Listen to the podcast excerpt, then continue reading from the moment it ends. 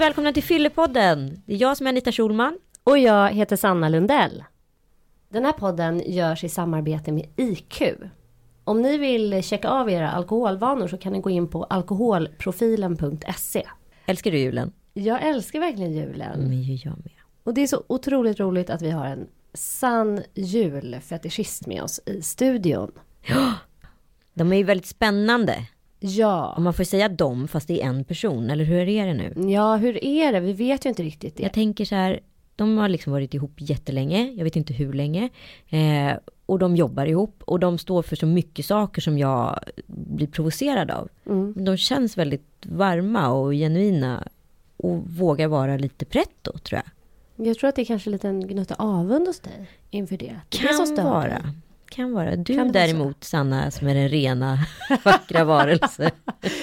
Nej men jag känner mig jätteavundsjuk. Jag skulle också vilja kunna leva ett sånt där liv. När Ja. man är så symbiotisk och klarar av att vara liksom i, eh, med en parhäst på det där sättet. Ja men också kan jag tycka så här, det avundet för mig ligger grundligen i att så här, få transporteras mellan de här parallelluniversumen som de gör hela tiden. Ja, Ja. fantasivärldar. Vi Exakt. tar in gästen. Eller gästerna.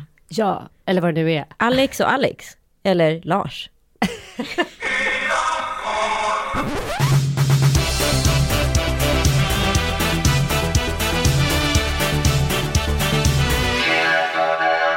Vi säger varmt välkommen till Lars Kepler. Tack. Så mycket. Nu svarar ju två personer då. Eh, Ja. För de som inte vet så kan ju ni ta och presentera er. Ja, jag heter Alexandra Coelho Andoril och det är jag som är Lars. Och jag heter Alexander Andoril. Jag är Kepler. Och jag blir, egentligen är det så att jag kom på eh, namnet Kepler. Och jag kom på Lars. så, Kan ni inte berätta om Lars Kepler lite? Ja, det är ju, vad ska man säga, det är den, den eh, författare som vi kryper in i så att säga när vi ska kunna skriva tillsammans. För vi är ju väldigt olika författare, jag och Alexander. Men, ehm, och vi försökte skriva tillsammans länge. Misslyckades, grälade, bråkade, hade fruktansvärda strider om Mm. vilken stil man skulle, vilka metaforer. ja, men det är ju känsligt förstås. Alltså, jag har skrivit massa böcker innan, innan jag träffade Alexandra. Och Sen att försöka samarbeta, vilket vi ville då, som vi älskar varandra, båda är författare och så vidare. Men det, det var känsligt. Det, jag kanske blev sur ibland. Du, Jag tänk- men jag tänker, alltså Lars Kepler är inte bara ett namn alltså, utan det Nej, är, det en, är en en- fiktiv person. ja, och alltså- det är en absolut nödvändighet för att vi ska kunna skriva ihop. Och jag tror att i början så var det också viktigt att inte bara ha namnet utan faktiskt övertyga oss om den här, vilken är en logisk kullerbytta. Att vi, nu låtsas vi att det, att det finns en annan författare och om vi tror på det så kan vi jobba ihop. Eh, Så att vi, det var rätt viktigt. Vi gjorde en bild av honom, photoshoppade ihop en Nej. speciell Nej. bild. Jo, han, han ser hittade, inte på, alls ut som vi. hittade på ett liv åt honom. Kan inte ni skicka den till oss? Ja, jag vet Vi inte. har inte visat den för någon han är, faktiskt. Men han är skäggig och lite ruff, rufsigt hår. Och, Men hur kom ni på att han skulle vara... Jag läste att han, var, att han jobbade på ett härberge och att han har varit lärare. Och, han- låter ju li, lite tråkig. Jo men det är ju Ja, det här att han ju, har social fobi och, och är isolerad. Han tvingar ju sig ut och då vill han göra något meningsfullt så han jobbar på det här härberget. Eh, Nej det har hänt något i hans liv. Så hittade vi på då och Mm. eh, egentligen drömmer ju eh, Lars Kepler om att vara Jonna Linna. ja, vara hans- hjälten. hans- Men Ja. han, för han är allt annat än den här hjälten. Men kan det, när ni, när ni sätter er ner och skriver, går ni in i den här rollen? Måste ni någonstans göra någon process där Alltså, ni frå- helt och hållet går upp Kul, ja, från, från början var det lite så. Då, då hade vi ja, Lars Kepler, han tycker om att dricka te och äta citronkex. Och, alltså, vi gillar inte riktigt te, vi, dricker, vi är kaffemänniskor. Men vi, vi fick liksom Ja, men anpassa vi oss. kände att vi skulle komma i stämning, så, men sen så försvann Ja, det. så vi nu för tiden tänker vi, tänker vi inte så ofta vi på, på Lasse. Men han har en väldigt eh, speciell, eller en annan stil Mm, än, än ni väldigt. båda har individuellt så att Ja. säga. Och eh, jag vet ju att du har skrivit, eller håller på, jag vet inte om du har avslutat en avhandling om en eh, portugisisk. En portugisisk poet. Mm. Um, nej, vet du, jag skulle precis eh, doktorera där när vi började skriva Keplerböckerna ihop. Så att ehm, Du la det på is. jag la det på is, ja. Men jag tycker det var väldigt fascinerande att han hade nästan 50 olika Precis. karaktärer Mm. och sätt att skriva på. Eh, Och det var i alla fall helt nytt för mig att man kan tänka så som författare och utforska liksom olika typer av uttryck och stil. Alltså, Ja, det blir nog en befrielse för Alltså- Fernando Pessoa som han hette. Att, eh, ehm, han kunde, ja, jag tror verkligen att han kunde bli fri på det sättet. Att vara hela tiden ny. Och han lät ju dem eh, alltså, leva sitt eget liv. De, de eh, kunde ju debattera mot varandra i tidningar och sånt. Hans olika personer. Ja, de, pro, de protesterade mot varandra. Så att, eh, det, han gjorde ju det till ett jätteprojekt. Det, han är ju som ett universum av olika poeter. Mm. Otroligt. Men jag tänker att det här är lösningen på mycket mer i eh, parrelationer också. Just jag nya. skulle ju aldrig vilja jobba med min man så nära. Men har man liksom en tredje person Ja. eller vad man ska kalla det för Ja. ett alter ego det. jobba utifrån. Då kanske det är det som är lösningen. Ja, för oss var det verkligen det. När vi förstod att vi måste skriva något helt annat än det vi har skrivit förut. Vi måste vi ska skriva, alltså prova en genre som vi aldrig hade kommit på tanken. Trots att vi älskar spännande filmer och böcker så hade vi aldrig någonsin tänkt tanken. Det var Kepler som gav oss den friheten att bli ett oskrivet blad så att Mm. säga. Vi skickade ju in manuset anonymt. Ja, det tror jag också var viktigt, det här hemlighetsmakeriet i början. Mm. Ja, det var oss. väldigt eh, hemlighetsmakeri Mm. och spekulationer och, Mm. och många trodde ju att eh, det bara var en PR-kupp. Men var det så att ni skickade in anonymt? Absolut. helt anonymt. Förlaget visste inte, våra barn visste inte. Nej, de, var- alla fick veta när vi blev avslöjade. Nej, det var, man kan väl säga att det var motsatsen till PR-kupp eftersom, eh, eftersom man inte kunde göra någon marknadsföring eller någonting utan en författare. Det var ju, förlaget tyckte det var jättejobbigt att inte Så vi- veta vem Lars Kepler Vi var. försökte, vi gjorde några mailintervjuer, vi gjorde en chatt, eh, direktsändning på tv med, med GW Persson som skulle göra en så- sån här, vad heter det, Gärningsman. gärningsmannaprofil på oss. Men lyckades han inte med. Men, Helt absurt. Nej, men det var ju väl så att det blev till slut provocerande för media att inte veta Mm. vem det var, att inte ha kontrollen tror jag. Eh, så att när, när vår bok Hypnotisören blev såld till en massa länder utomlands redan innan den publicerades. Det var där media började liksom Men hur jaga funkade, Kepler. men hur funkade kontakten med förlaget? Var det aldrig några Via e-post. ja, det var E-post. jättekomplicerat. Vi hade en uh, Lars Kepler hotmail. Ja, vi kommunicerade via Lars Kepler at Hotmail.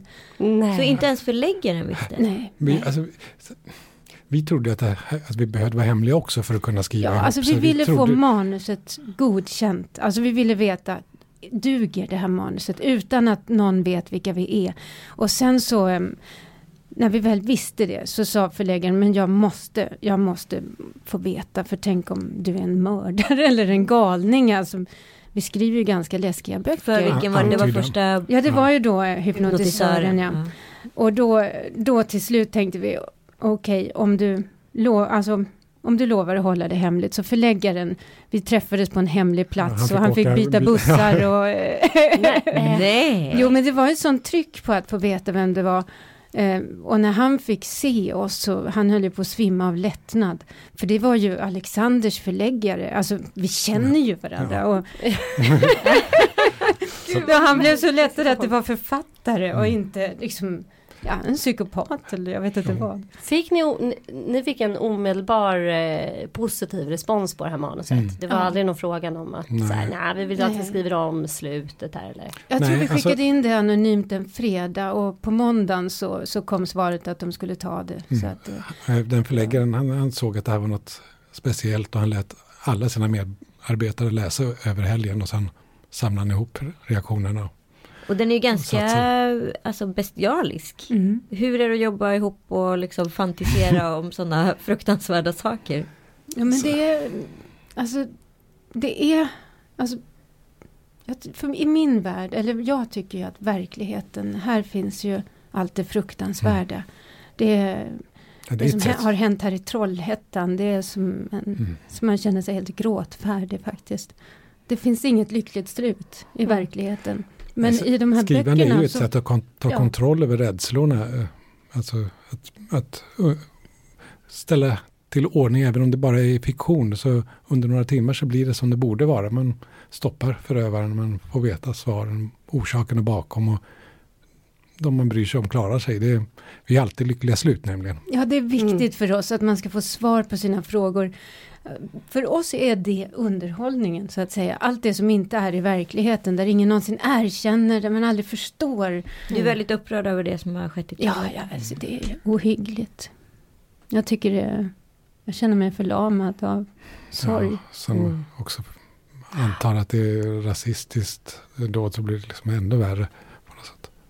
Det är på något sätt som jag kände lite grann eh, samma känsla som, nu var jag ju väldigt liten när Palme mördades, men Mm. det var liksom någon slags så här oskuldskänsla på något Mm. sätt. Att bara så här, vad fasen ska vi aldrig mer kunna lämna våra barn till Precis. skolan utan att vara rädda för att något Men det lägger sig något sånt över hela samhället. Ja, det var en sån där jättehemskt. grundläggande Ja. känsla av att så här, jaha, det är nu det börjar. Mm. Vi har ju sett det från, i andra länder 20 förstås. år, eh, precis då den helgen då han mördades. Jag minns det att hela den här känslan av att allting bara eh, blev Ja, men det var så hemskt. Att, ja, det allting var, instabiliserades på ett Ja. ögonblick. Sen, sen blir det rätt normalt igen. Men det är ju sen, samma sak med Anna Lind. Alltså det, det kommer jag verkligen ihåg jätte, Mm. jättestarkt. Mm. Absolut.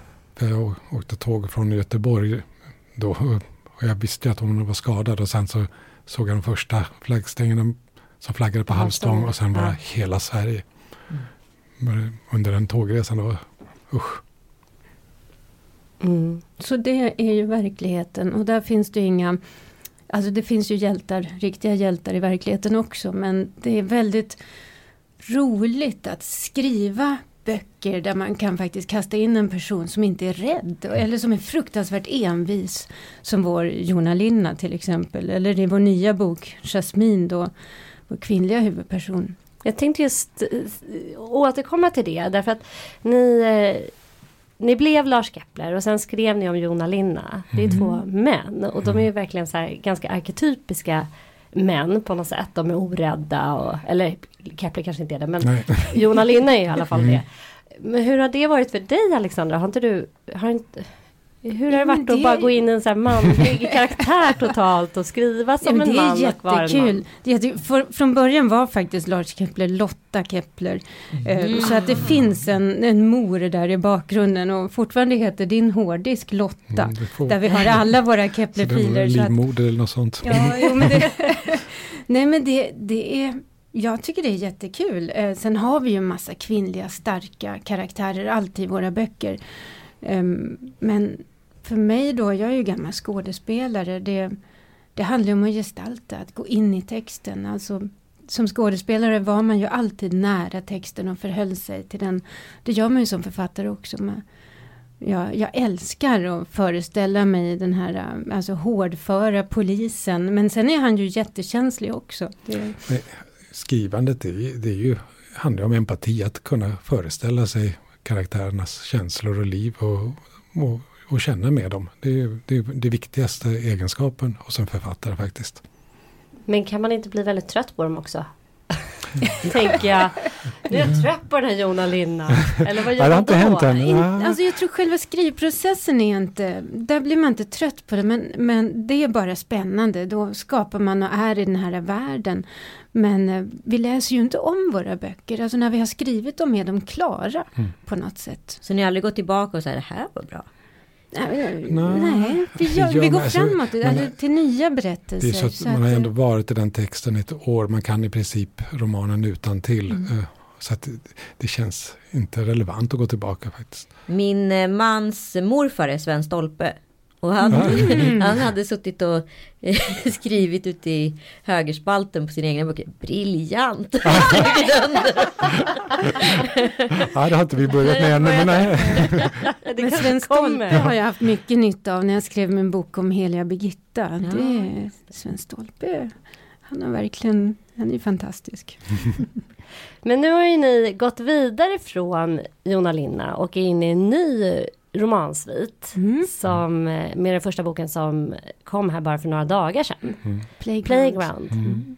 Berätta, vad, vad är det här för projekt nu då? Ja, det, Det blir vi, så ibland. ja, man, vi tyckte att vi fick en idé som, som kändes så unik och stark att vi var tvungna att eh, utforska den, skriva en bok om den. Förlåt, hur kommer den idén upp då? Hur ser det ut hemma hos er? Eller vilken ja, situation det, här, är det här ni i? kommer lite annorlunda faktiskt eh, än de andra.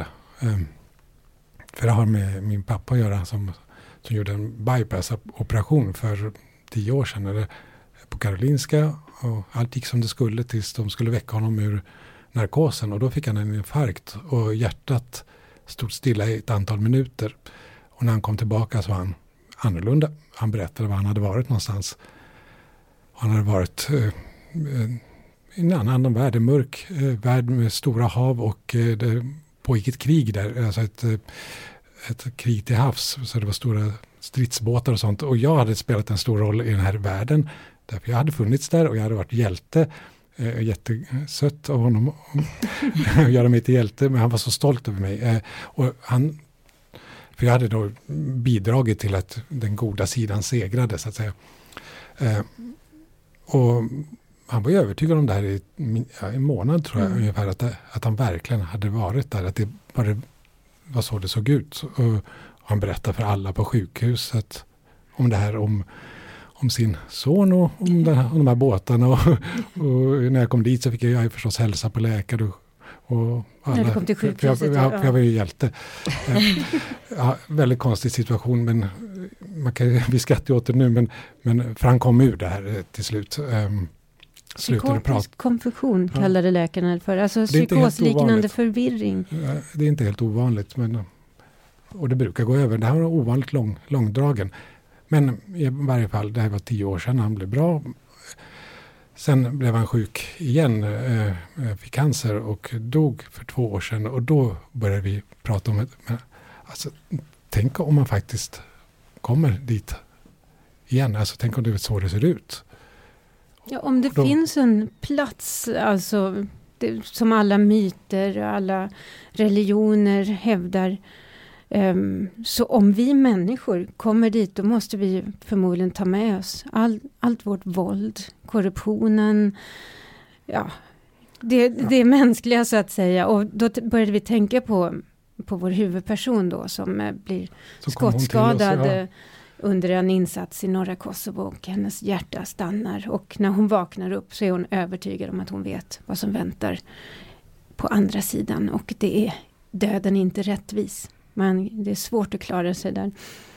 Så det är som att man hamnar liksom på en ännu värre plats än jorden? Eller? Ja, alltså vi, vi beskriver egentligen... Hon har en föreställning om ett förstadium. Ni vet, eh, man, kommer, man ska över floden Styx. Ja, eh, man kommer, och då kommer man på en flodstrand först.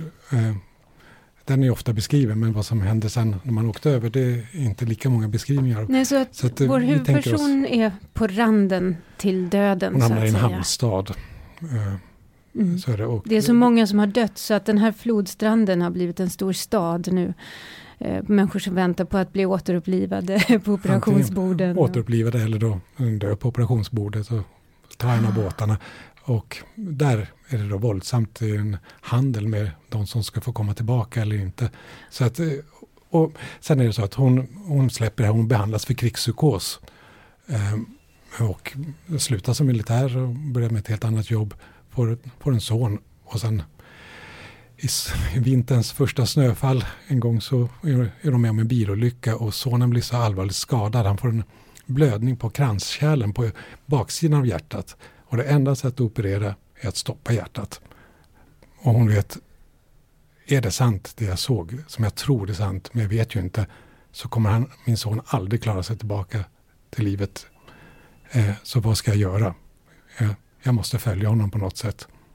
Mm. Och det, det Då måste hon fatta det extremt svåra. Oh, wow! Men alltså det här är världens bästa podd. Kan inte ni bara fortsätta prata? kan ni bara... Jag vill bara kan ni, oj, oj, det här är en bladvändare sen. Man direkt men herregud, jag måste ju köpa den där direkt. Boken Playground alltså. Ja, gud vad spännande. Oh wow, det här blir jullovet känner jag. Ja, verkligen. Absolut. men det, det, det, är väldigt fascinerande tycker jag. För när du berättar om, ja men det är ett kranskärl, det, det låter ju som att det är en verklig händelse. Som att ja, det känns så. känns det så verkligt för er när ni arbetar med berättelsen och karaktärerna? Det är väldigt ja. mycket research ja. så att man blir helt inne i den världen. Man känner totalt som, med Jasmine. Man får ju underliga kunskaper som författare. Alltså att man plötsligt kan man en massa om sådana här hjärtoperationer. Och Hur har ni gjort den researchen? Så vi har haft kontakt med läkare. En, en jättebra ja. läkare som förstår vad man behöver veta. Så vi kan ha ett väldigt bra samtal med honom. Så det, Och det, Och han ja, han har ju hjälpt oss att allting är, vad ska man säga, så att det, så att det stämmer. Sen om vi till exempel säger, vi må, någon, en person i våra böcker måste stoppa sitt hjärta och sen vakna igen. Hur gör hon? Och så har han hittat... Går ja, det ens att göra Ja, det? det Men alltså, går. Det är det som är så Det kan Wow. vem som helst prova men det är inte att rekommendera. Men det går. Vi ska inte gå in på närmare detaljer, sugna och experimentera. Nej, just Nej, det är det. faktiskt väldigt, väldigt, väldigt farligt. Men det går och går, är man frisk och nu man lyckas dosera. Det här är en medicin man använder för eh, hjärtarytmi. Så att för att, en, vissa har ju problem med, med rytmen i hjärtat. Och en liten dos av det kan rätta till det. Men en väldigt hög dos stoppar hjärtat. Eh, och kroppen ska bryta ner den här substansen om allt går som det ska. Eh, men det är ju, beror ju på hur, hur hög dosen är förstås. Mm. Man kan ju dö innan det händer. Det låter väldigt risky. Ja, det är Väldigt risky. risky. Jag kommer också tänka på de här märkliga lekarna som, som man gjorde, eller jag vet inte om, om ni har gjort dem, men det Den var populärt svimningslekar i skolan när man skulle Ja. göra på olika sätt. Ja, ja jag gjorde det. Ja. liksom. Ja, jag har alltid tyckt att det där är läskigt. alltså. Ja. Ja, men det verkar ju finnas någon fascination, och, speciellt i vissa åldrar hos barn. Min son som är sex, han pratar ofta om det så här, åh jag skulle vilja dö. Fast alltså sen skulle jag vilja leva, men jag Ja. vill bara veta hur, vad det är. Alltså att det finns en väldig nyfikenhet. Inte någon eh, destruktiv dödslängtan, utan en nyfikenhet. Liksom. Ja, men det, det där är intressant. Min mamma som är väldigt skruttig tyvärr nu för tiden. Hon, hon pratar ju också om det. Det ska bli så spännande att se, säger hon. Jag bara, mamma sluta nu. ja. Men har det funnits, tror, tror ni att, eh, har ni haft eh, något behov eh, i er att undersöka döden? Kan det ha att göra med att din pappa dog, tror du? Att du kände att du ville liksom bearbeta det på något sätt?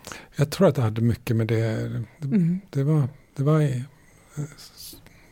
det var jobbigt. Eh, Alltså jag var med när han dog också. Det, ja, alltså jag tror att det handlar om det, även om Absolut. det inte är uttalat. Det hand- Men boken handlar inte på något sätt om honom. Men eh, Nej, men boken handlar kanske mer om hur nära döden Jasmine vågar ta sig för att rädda sitt barn. Alltså, jag, grundhistorien är verkligen, jag måste rädda mitt barn. Mm. Och jag är beredd att gå hur långt som helst. Um, Men, men döden är ju en av mänsklighetens stora frågor. Det- och dilemmat att vi vet eh, att Ja, det det är väl kommer. döden och rymden. Ja. Sen är det inte så mycket mer. Och, och, nej, precis. Gud vad tråkigt. Men det är också Ja, de det är ganska frågor stora som saker. skrämmer människor väldigt mycket. Jag tycker att vårt samhälle är väldigt, eh, vi är väldigt dåliga på att förhålla oss till Mm. döden Ja. och vi vill inte så gärna prata om döden. Och Men det vi också. älskar att läsa och titta på Mm. eh, deckare och thrillers. Vi är ett riktigt sådär Ja, men då är man på ett tryggt avstånd. Ja. Alltså, det är ju det. Annars känns blir det inte bra. Alltså, jag tror inte att man behöver deckare om man befinner sig i krig till exempel. Det, jag tror att tryggheten är en förutsättning för, för att vi Mm. ska älska de här böckerna. För vi behöver någonstans hantera eh, våldet. Det oförklarliga att människor gör så här mot varandra. Och Mm. Deckarna och thrillersarna, de är någon sorts um, alltså ett säkert sätt att ta sig in i mörkret och komma Och- ut igen. Både det och eh, ett sätt att, att säga, skapa ordning. Eftersom eh, en kriminalroman eller en thriller börjar alltid kaos. Men de slutar i ordning. Alltså, så, och det tror jag är tillfredsställande. Så, de två sidorna tror jag är styrkan. Smurf. Verkligen. Eh, Men jag tänker på en sak. Det är ju nästan, det ni fick uppleva var ju nästan som att få en pophit. Alltså ni slog egentligen igenom över en natt. Mm. Och hur var det att liksom gå från, jag vet inte om man kan kalla er ett, ett så här normalt par eller normala förhållanden till att bli jätterika? Så det, ja, det var ju inte sådär över en natt. Alltså bokvärlden är ju långsam Ja, det och eh, kanske. det ska översättas och nej men då när vi, det var så sammankopplat på något sätt med eh, alltså vara hemliga, bli avslöjade och så jag tror jag mest var chockad på något sätt, rädd eller jag tänkte var det, var det ett brott att ha en pseudonym och så vidare. Det var så många känslor i Sverige. Mm. Um, sen så när man förstår att åh, men vi har fått läsare. Jag tror att det är det som är det stora för oss, att faktiskt ha fått så många läsare. Det, det är något helt otroligt som vi är jättestolta över. Och det är någonting man fortfarande ibland har svårt att tro att det är sant. Liksom, Mm. Att vi har nått en sån jättepublik. Men, sagt, men Men det, nu skrivit, båda två har ju separata författarkarriärer bakom er. Mm. Eh, och prisade böcker. Regissörerna du skrivit och Mm. diplomaten Mm. här också. Och du har skrivit eh, Heliga Birgitta och så Mm. har du och den Mäster första boken om och- Tycho Brahe. Ja. Ja. Eh, helt andra Ja. genrer och helt annan tonalitet och. Mm. Hur, eh, och, och deckargenren är ju lite utskälld i finrummen. Absolut, Hur men känns det att liksom bli läst eh, av väldigt många fler fast i en helt annan genre som ni kanske från början inte hade tänkt er? ja, precis. Alltså mm, det, det är bra. Ja, vi, vi vill ju verkligen omfamna genren. Det, Jag tycker att deckargenren är fantastisk. Ja, den är, Och vi vill den är så demokratisk. Det är verkligen, man, man kan beskriva ett helt samhälle. Från toppskikt och ner till eh, de lägsta lagren eller vad man ska kalla det för. Alltså de, de allra rikaste och de allra mest utstötta. Och, ehm, och faktum är att det finns ingen annan genre som är så läst av ett brett lager. Där är den så demokratisk. Jag måste berätta den otroliga historien som jag har kört ibland men fortfarande gör det mig så häpen för att vi då apropå att ehm, vi tyckte plötsligt oj nu kanske vi har råd att, eh, att eh, flytta från vår pyttelilla lägenhet med alla barnen och att de kan få ett eget rum. Så vi gick till Nordea för att eh, ta banklån. och då kom liksom bankchefen, bankdirektören in och hade läst hypnotisören. Och ville liksom skaka hand med oss, och, för han älskade boken. Och sänkte våra låneräntor och allting. Så att, Var det eh, så? Ja, helt otroligt. Och vi bara var jättepaffa. Och så gick vi därifrån, skulle ta tunnelbanan. Och så satt spärrvakten där och sa Åh, det är ni som har skrivit hypnotisören, ni får åka gratis. Och det är ju alltså en bankdirektör och en Ja. spärrvakt På tunnelbanan. Alltså det finns ingen annan bokgenre som kan Det, Vad ska det, man det låter säga? som en konstruktion där, men det var Det var precis så sant. det var. Hela familjen var med så Mm. att jag har vittnen. Men det var Ja, För jag skulle precis säga, men då har ni motbevisat mig redan här. Men alltså ni, om Britney Spears har sålt 40 000 eller 40 miljoner ex utav någonting. Då kan ju inte hon gå på gatan sen. Men ni kan ju ändå göra det. Mm. Det måste ju ändå vara lyxigt på något sätt. Det, Ja, det absolut. det. Men Ehm, där är också pseudonymen tror jag till stor Ja. hjälp. Ja. Att det är via Lars Kepler på något sätt. ja, Men ja, det är ju fortfarande så när vi är ute och reser mm, för våra böcker att det är väldigt ofta de tror att det är jag som är Lars Kepler och Alexander är någon assistent. Ja, det är så. Ja. och det spelar ingen roll hur mycket jag än säger, vi skriver ihop, vi, Ja, ja, vi delar ja. allt. Ja, ja. boken Lars. Ja. liksom. Hur känns det för dig Alexandra? Det, ja, det är typiskt liksom, helt enkelt. Det är inte så oväntat om man säger så. Typiskt. Ni verkar ju ändå leva i en väldigt symbiotisk relation. Det är den bilden jag har i alla fall. Mm. Eh, Det jag har läst om er och de intervjuer jag har tagit del av. Hur är det så? Lever ni väldigt nära in på varandra? Ja, ja, äh, ja, det är ju... Det gör vi ju. Det, ja, Ni verkar göra allt tillsammans. ja, Hela dagarna. ja, Ja. hela dagarna och så sover vi tillsammans också på nätterna. Ja, det var ju Ja, någon det- som frågade, finns det någon stund som ni inte är tillsammans? Så försökte vi grubbla över det. det du kom på en Ja. enda stund. När Då. Alexander målar naglarna då, Ja, då, det, då det är kan, för kan inte jag mycket för vara dig. i närheten. Då, då får jag ont i huvudet. Men eh, nej, vi gör allting ihop. Det är vi, vi är Ni goda vänner och älskar varandra. Och jag tror också att alltså, vi älskade varandra innan vi började skriva ihop. Men när att skriva ihop har blivit ja, som en ny förälskelse. Att kunna dela fantasi på det här sättet. Hur länge har ni varit tillsammans? Förlåt. Jättelänge. Ja, 22, eller vad är det? 23 år. 23 år är det. Mm. Ja.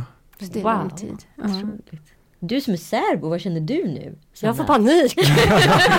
jag skulle aldrig klara Men jag vet inte det. Det kan jag å andra sidan inte veta. Mm. Alltså det, men eh, visste ni att ni var liksom parhästar innan ni träffade varandra? Sökte ni aktivt efter att, att hitta liksom en, en parhäst i livet? Nej. Nej, vi, Nej, hade, nej. vi, var, vi var bundna i, an, i andra relationer när vi träffades. Så, Så vi att, blev eh, bara kära faktiskt. ja. Det var inte alls lämpligt. Nej, det var Men var helt ni, levde ni liknande med era tidigare?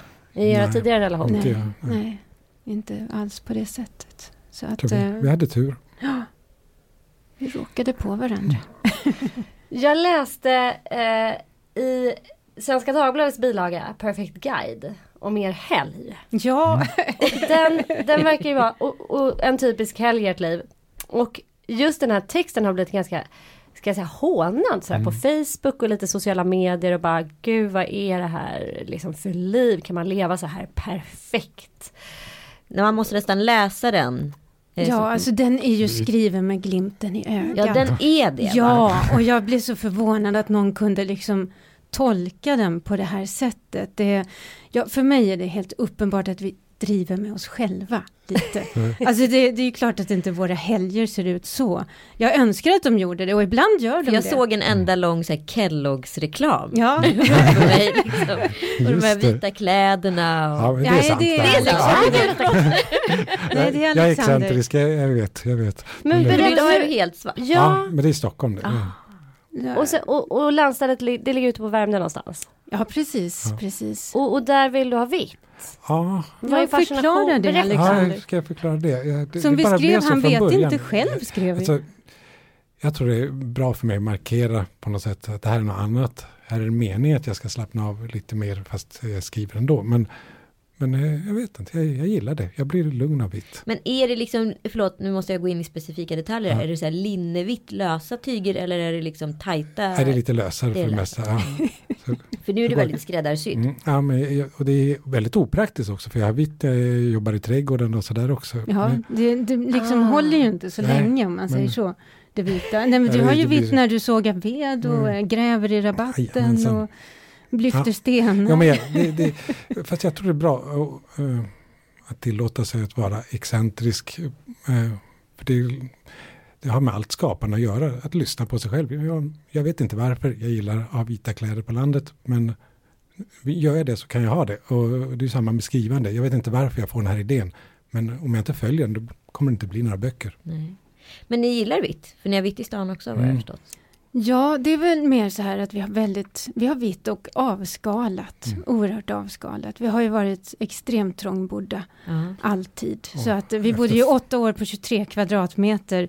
Så att och, det är och väl, Trampa på uh, legobitar och snubbla över dockor och allt det här. Vi har, vi, har, vi har gjort det och det känns jätteskönt att kunna ha vissa ytor i alla fall där man inte snubblar på leksaker. och sen har ju barnen har ju helt andra rum. Så Och att eh, vitt. de, de är ju inte så här som vi. De kan, jag hoppas att de inte blir det heller. Utan, för det är, ju, ja, det är ju lite knasigt, det kan jag förstå. Eh, vårt piano är vitt och allting är vitt. Mm. Men, eh, men vi, som vi säger, vi blir liksom lugna av eh, den här avskalade miljön. Alltså väldigt minimalistiskt. vi har så himla mycket bilder och färger i våra huvuden så att det, det, vitt är bra. Ja, för jag tänkte på det när man ändå åker på semester. Åker man ju ofta och så bor man väldigt så här, alltså väldigt stilrent och väldigt snygg inredning och väldigt avskalat. Och det måste ju vara en perfekt kombo. Alltså att hemmet blir också en viloplats. Ja men det är ju det är där vi viktigt. är. Det är. Vi är ju alltid hemma. Vi, utom om vi reser liksom och promotar någonstans. Så vi jobbar ju hemma och där har vi någonstans tagit det beslutet att vi måste ha det här lugna omkring oss. För att vi är väldigt eh, hysteriska, ängsliga, ångeststridna människor. Och jag tror att det är där vi behöver... Är ni eh, det? Ja, i varje fall är jag det. Vad, vad, vad, vad Va? kan trigga man igång dig? Vad kan få dig riktigt Nej men jag är en, en, jag skulle nog säga att jag är en rädd person. Jag är, jag är rädd för människorna. Jag tycker människor är inte snälla.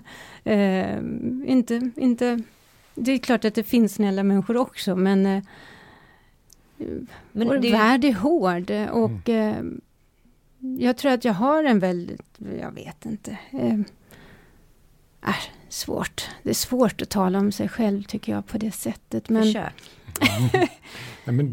Jag tror att det handlar också om att hålla sig liksom naken inför, inför sina känslor och, och, eh, och världen. Att, att kunna, vad ska man säga, skriva med den här närheten till känslorna. ja, man måste vara lyhörd gentemot världen och det kostar ju också på eh, förstås. Jag tror det är mycket det ja. för dig också. Men hur är det att ha valt ett sånt, förlåt, utsatt jobb på ett sätt som författare? Alltså hela tiden bli bedömd på ett eller annat sätt. Påverkar det eller? Det är Ja. inte det som är det bräckliga? Nej, nej, det, alltså, det blir man alltid. Det är ju så, det är livet. Det var, vad man än hade gjort hade man blivit bedömd. Och det, det är klart det alltid är jobbigt. Alltså särskilt med ett sånt introvert arbete som skrivandet. Som man skriver i ett år. Och sen så plötsligt är boken ute i världen. Men jag menar, det är ju meningen med boken. Mm. Meningen är ju att den ska träffa läsare. den ska ehm, ja, att den ska få ett möte så att säga. Men nu blir jag ändå lite intresserad. Om, du pratar om oro, ängslan och rädsla för människor och sådär. Och det här är ju Fyllepodden. Mm. Vi ska Ja. komma in på alkoholen i era liv. Och alkohol har ju fungerat som eh, orosdämpare. Eh, Alltså, eller gör det för väldigt Mm. många människor. Att dämpa oro och dämpa liksom eh, känsla av utsatthet och, och blyghet och allt möjligt. Mm. Hur har ni, vad har ni för relation till alkohol? Ja, alltså när jag växte upp, eh, mina föräldrar drack aldrig, jag hade aldrig sett alkohol. Um, aldrig sett alkohol tills jag var 16 år och jag hade varit med i en musikal och det skulle vara premiärfest. Och eh, jag var jättetörstig och jag förstod liksom inte att det var vin som jag drack. Eh, så att jag, jag mådde jätteilla och blev, för mig var det en chock. Alltså det var verkligen så här, världens mest naiva människa ungefär. ja, men det fanns inget alkohol i min... Men fanns det ett skäl till det? I Var min dina föräldrar eh, nykterister eller fanns det ett skäl Nej, alltså min inte- mamma har, är ju någon form av hippie, alltså vad gäller att man ska äta väldigt nyttigt och helst odla allting själv och enligt alla, när vi höll på med raw food liksom på 70-talet och Mm. så här. Och, så att, ehm, nej. Ja, hon har ju det, precis börjat att man kan smaka på vin för att hon har kommit fram till någonting ja, det är bra för blodet. för blodet. ibland. Så, Ja. ja. så vid Men- 74 Men det är års liksom- ålder. Men då är det, "Aj, jag tar en äggkopp säger hon liksom, ungefär.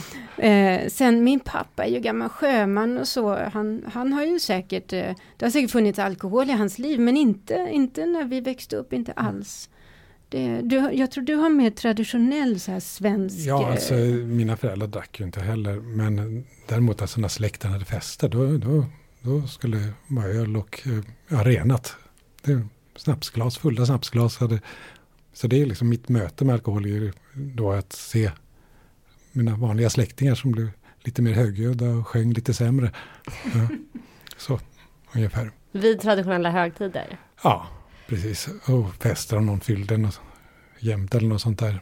mm. Men sen så är mina föräldrar tog ju del av den stora vinrevolutionen liksom när alla började dricka vin. Det började de också, när det nu kan ha varit, men ja, det var då alkohol kom in. Ja, igen. 90-talet. Ja, jag tror 90-talet Då slog nog vin, vin Ja, det kontinentala Ja, dryckessättet eh, kom ju in i Sverige då på något sätt. Vi tog över det lite grann. ja. Alltså mitt första, är också väldigt lyckat möte med alkohol, faktiskt första gången jag smakade, var, var blev tving, jag blev tvingad. Jag var på pendeltåg från Upplands Väsby, det var några större killar som som jag inte kände gick på mig, jag slog, slog mig i ansiktet och tvingade mig att dricka. Nej men Nej. Det, Ja. det var så bra intro till Ja, jag Vad- som liksom dricker Så- det här utan att förstå vad det är jag dricker och du som blir itvingad. Ja, Det, så här, vi pratade eh, faktiskt om det på vägen Det dröjde lång tid innan jag rö- rörde alkohol nästa gång kan jag säga. Det stod i alla fall i den här Perfect Guide-intervjun att ni öppnar en flaska vin efter barnen har lagt sig. Stämmer det? En flaska champagne. Vi dricker händer, vin ja. ibland. Vi dricker champagne ibland också. Om jag har något att fira. champagne. Absolut. Ehm, nej men det, ja, Absolut. jag, Ja, nej, jag jag inte uppskattar för rött vin. Det, Mm. det gör jag Mm. verkligen.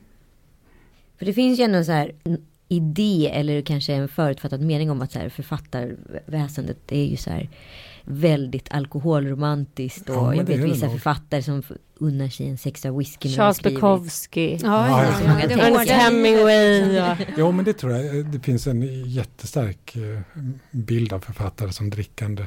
Men är inte Ja, författaryrket ett av de mest alkoholiserade? Jag tror journalistyrket och författaryrket. Men- Mm. Ligger bra till i alla fall. Men, Mm. Jag tror alltså- skilsmässostatistiken är väldigt hög där också. De, Men, men eh, sen är det för författare, man måste vara skärpt om man ska skriva. Och skrivandet är det viktigaste för författare. Så att, ja. eh, man skulle aldrig offra det. Eller, jag kan inte tänka mig att skri, skriva om man har tagit ett glas vin. Det är som att köra bil. Liksom. Nej men det är ingen annan som, eh, eller ingen annan vet inte jag, men det är väldigt få som dricker mm, sig brusade eller dricker alkohol under jobbet. Och det här är ert jobb. Så. Mm. Mm. Jo men det är också det. Jag, jag har en fobi för att vara, känna mig dagen efter. Just som du säger med skriven. Men också alltså sen vi har, vi har ju tre barn och så. Det skulle vara så otroligt eh,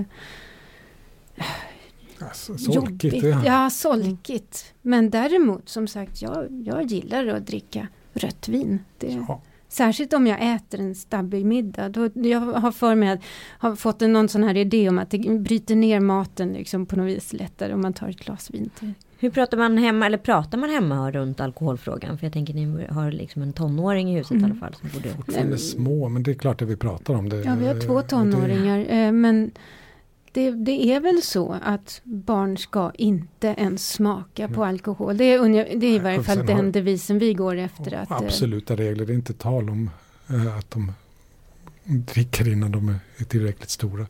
Nej, sen så, jag menar till skillnad från då jag, när jag var liten, så har de ju ändå sett vuxna, att det Mm. finns alkohol. Jag, jag tror inte att de har sett oss saft, nej. berusade någon gång, eller att de tror att det är saft, men däremot så, så har de ju också sett berusade människor. Vi bor ju inne i Stockholm, jag Mm. växte ju upp på landet i Skåne, Mm. så att eh, det, det var helt främmande för mig.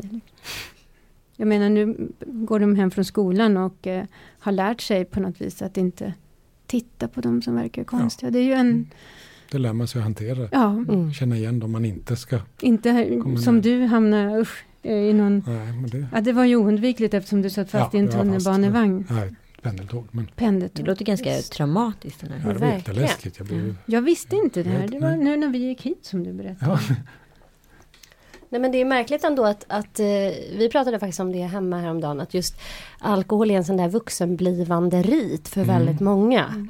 Och jag hörde någonstans att att lära sig dricka kaffe, att det tar ungefär två eller tre månader. För att det är inte en smak som människan egentligen föredrar. Det är Mm. beskt, det är liksom... Det tar ett tag att lära smaklökarna och, och gilla kaffe liksom. Och det är lite samma sak med alkohol, Mm. att det är någonting som man så här får träna sig på att gilla. Vi har ju haft några gäster här som bara sådär instinktivt bara, nej men jag tycker inte att det är gott. Så Mm. därför har jag aldrig börjat dricka. Men många bara dricker sig igenom det där för att komma in i liksom vuxenblivandet Mm. och ja, att det är som cigaretter ju. Ja. Ja, och cigaretter också, att det är en sån viktig del. Men Mm. Bäskan är ju liksom, alltså i biologin är ju den väldigt farlig. För den är ofta förknippad med liksom gift. Mm. mm. Så att man är ju liksom bröstmjölk och jordgubbar. Alltså, allt, allt som är snällt liksom. Men hörni, det är snart jul. Ja, Ja, Hur, jag har hört att du, Alexandra, är julfetischist. ja, Kan man säga så? Ja, jag tror säkert det är jag själv jul. som har sagt det. Känns som, ja, jag är julfetischist. Eh, Ja, men för mig är det, vad ska man säga, det är ju den enbart lyckliga högtiden. Alltså Jesus, barnet föds, världens frälsning och eh, alla får presenter. Jag menar, hur, det kan inte bli bättre. ja, men om man födelse- Alexander med tindrande ögon. Jag har redan köpt den här julpitchen kände jag.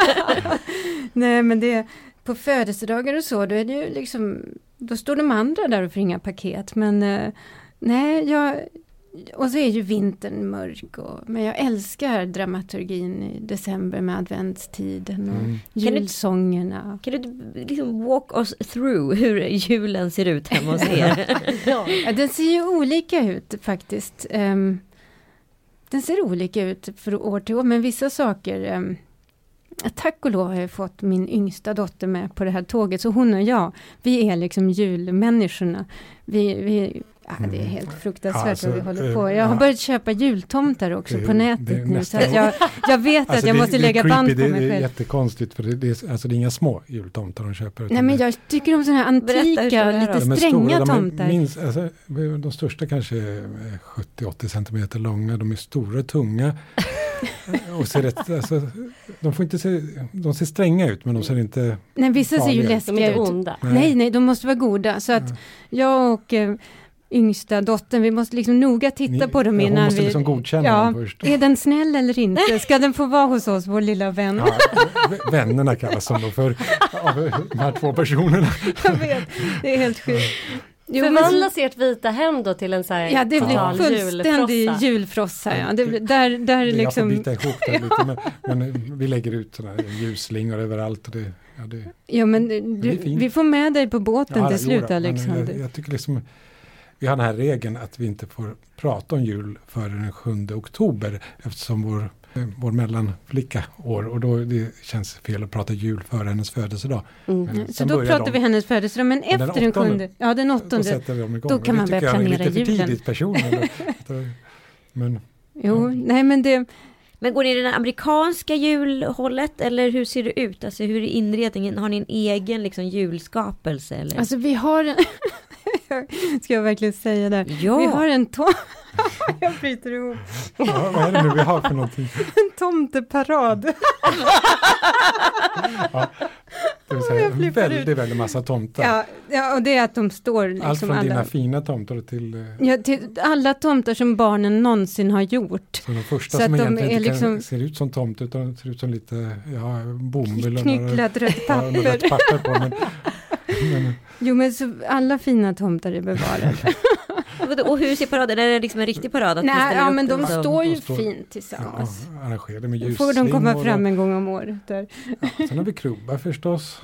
Mm. Och är vi inne i stan så då brukar vi faktiskt gå på det här fantastiskt fina julspelet som är i Adolf Fredriks kyrka. Det är en, eh, en gammal tradition, det har vi gjort i många, många år. Och det är jättekul. Sen så är det ju alltså julmaten.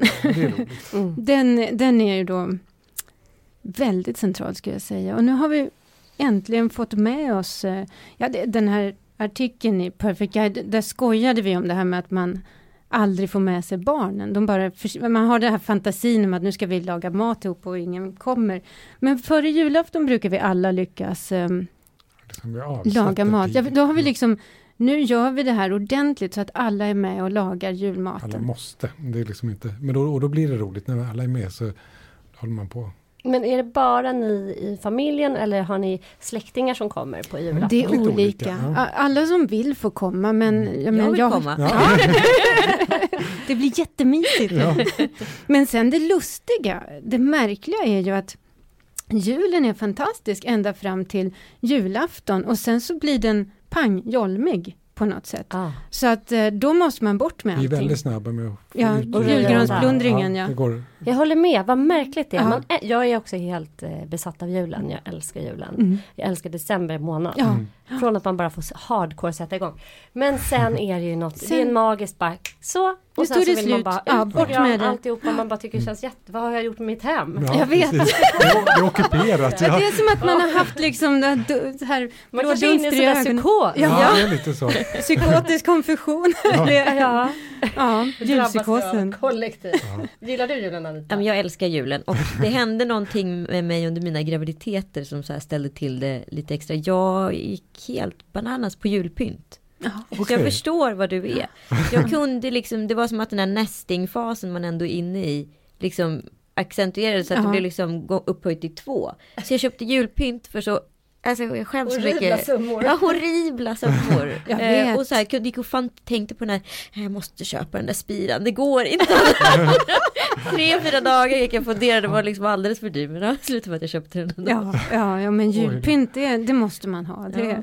Det är en stor investering. Det, Ja, det kan återanvändas då år efter år. Tänker du det och ärvas och allting. Nej, det vet jag inte. Det brukar ligga så här små glasbitar alltid varje gång man Ja, ja, det- packar upp lådorna. Ja, Men vi har ju, jag tror vi har en sju kartonger, alltså stora flyttkartonger fulla med julgrejer som, ja, Ja, det är bra. det är mycket. Ja, Och sen tycker jag väldigt mycket om lussekatter också. Det är Mm. min Mm. stora besatthet på året. Jag älskar också lussekatter. Vallala bageri. Mm, Men- ah. Jag måste bara ställa en avslutande fråga. Vi ska runda av här. Vi har babblat på. Gud vad vi babblar. Tusan, gick inte att sluta intressant. kände jag. Men vad, är ni någonsin lediga? För jag läste i, i den här intervjun, som ju var ironisk, så det kanske inte stämmer alls, men att ni ändå jobbar på helgerna och Mm. att ni i stort sett alltid skriver. Har ni någon period under året när ni bara eh, så här, kopplar bort fantasivärlden och eh, bara är lediga? Alltså mellan böckerna så att säga, när vi har lämnat in manus och inte längre kan göra någonting, alltså berätta, vi måste ändå säga hej då till den berättelsen, då brukar vi göra något, alltså vi gör något jättetråkigt, vi rensar förrådet och bär, bär tidningar till återvinningar, sådana saker, och det brukar ta en, en eller två dagar och sen vill vi börja skriva igen. Vi, alltså det är ju lite så, det är ju både på gott och ont att man, man är lite besatt av att känna sig meningsfull också. Att, eh, Att skriva, det är underbart att vara i de här fantasierna. Det, det, jag, jag, nej, vi är aldrig lediga. nej men jag tror Men att det- det skulle, alltså det- jag tror man Vad skulle säger känna, era barn om det här? Alltså det låter ju som att ni befinner er i skrivandet och i den här fantasivärlden. Kan de känna sig eh, utanför det? Så nej jag men vi är det- alltid hemma. Vi är alltså vi är tillgängliga, alltid alltså från, där. från att ha haft barn i knät när man skrev till eh, att de vet. De får inte, de avbryta kommer oss in. hur mycket de vill och de kommer alltid in. Alltså, vi, har ju, vi stänger inga dörrar utan det är verkligen de jag tror inte de märker någon skillnad, jag vet inte. Men de, De har ju inte oss alltid så att säga. Ja, Mm. ja, Det, Så att det, det är inte så att vi är genierna som måste ha tyst och sådär, utan vi, det är en del av allas liv att vi skriver hela tiden. Jag tänker också att ni måste vara väldigt bra på godnattsagor. Ja, det, på den tiden när det var godnattsagor, ja, vi hade långa just påhittade mm. godnattsagor. Som, ja, du hade några oändliga Ja. där Vad med. var det för tema? nej, det, var, det var någon form av äventyrshistoria där barnen var involverade. Man var ju så trött på den tiden, jag somnade ju hela tiden. Så, så, så väckte de mig så skulle jag försöka ta vid där jag var. Liksom. Men, det- ja, men de pratar fortfarande om de här historierna. Ja. Fantastiskt. Tack snälla ni för att ni kom och eh, om ni är intresserade av att ta reda lite på era egna alkoholvanor då ska ni gå in på eh, alkoholprofilen.se och vi vill eh, tacka våran samarbetspartner IQ. God jul! God jul. God jul!